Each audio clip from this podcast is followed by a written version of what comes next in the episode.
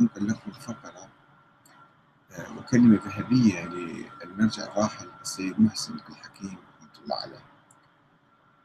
ويخاطب الطلبة طلبة العلوم الدينية ويقول إياك والمسلمات. ولا سيما في غير العبادات. عبادات مسلمات صلاة الصبح ركعتين أربع ركع المغرب ثلاث ركع ما في هاي مسلمات.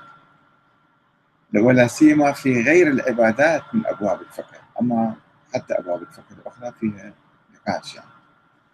فإن كثيرا من المشهورات عند الناس والطلاب طلاب العلوم الدينية وكثيرا من المرتكزات في الأذهان. إذا راجعها الفاضل في مظانها وتأمل فيها وجدها لا وقع لها يعتمد عليه ولا أصل تستند إليه.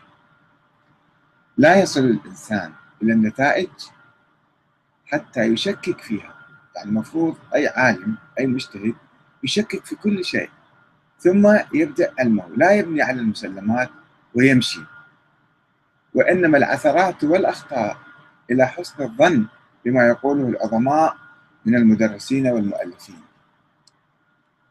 بالتاريخ جاء بعض الأشخاص وقالوا بعض الأمور ونسبوا بعض الأشياء وأصبحت على مر التاريخ من المسلمات والبديهيات والواضحات والضروريات كما الآن علماء الحوزة الأمية يقولون. إذا واحد شكك في ضرب الزهراء أو الاعتداء عليها أو الهجوم عليها أصبح هذا اخترق المحرمات والمحظورات والواضحات والضروريات. ويصبح كافر يصبح ضال يصبح مضل يصبح كذا وكذا. بينما هي أمور أساطير وخرافات في التاريخ. تراكمت عليه آه، تراكمت عبر التاريخ ووصلتنا إلى اليوم.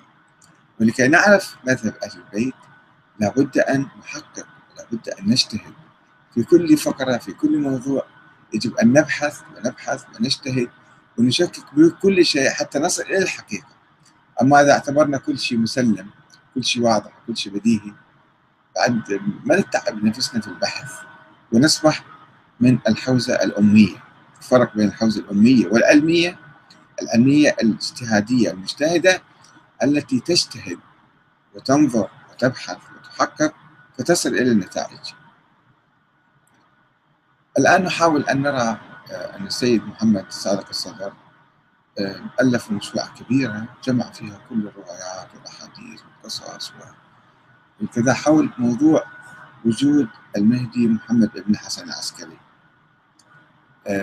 فهل حقق في هذه الروايات وهل اجتهد كثير من الناس يقولوا لي أنت هل قرأت هذه الموسوعة؟ نعم قرأتها منذ زمان في أول بحث لا يمكن أن أقوم ببحث ولا أقرأ كل ما هو موجود حتى أستطيع أن أعلق عليه أو أنظر فيه.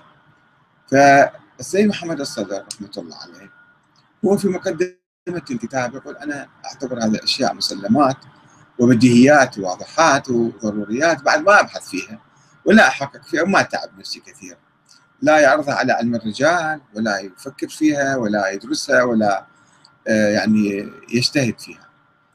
فأنا عندما قرأت الموسوعة سنة 92 يمكن أثناء البحث أو 91 92 فحالني ما كتبه السيد محمد محمد صادق الصدر رحمة الله عليه وكتبت له رسالة أدعو فيها إلى التحقيق والإجتهاد في هذا الموضوع. وعدم جواز اعتبار كل ما وردنا بالتاريخ هذه مسلمات وبديهيات يعني قبل حوالي 25 سنة. فعنوان بحثنا اليوم لماذا لم يحقق السيد محمد محمد صادق الصدر في كتابه الغيبة الصغرى تاريخ الغيبة الصغرى والكبرى ولم يجتهد بروايات ولادة المهدي ووجوده؟ ولماذا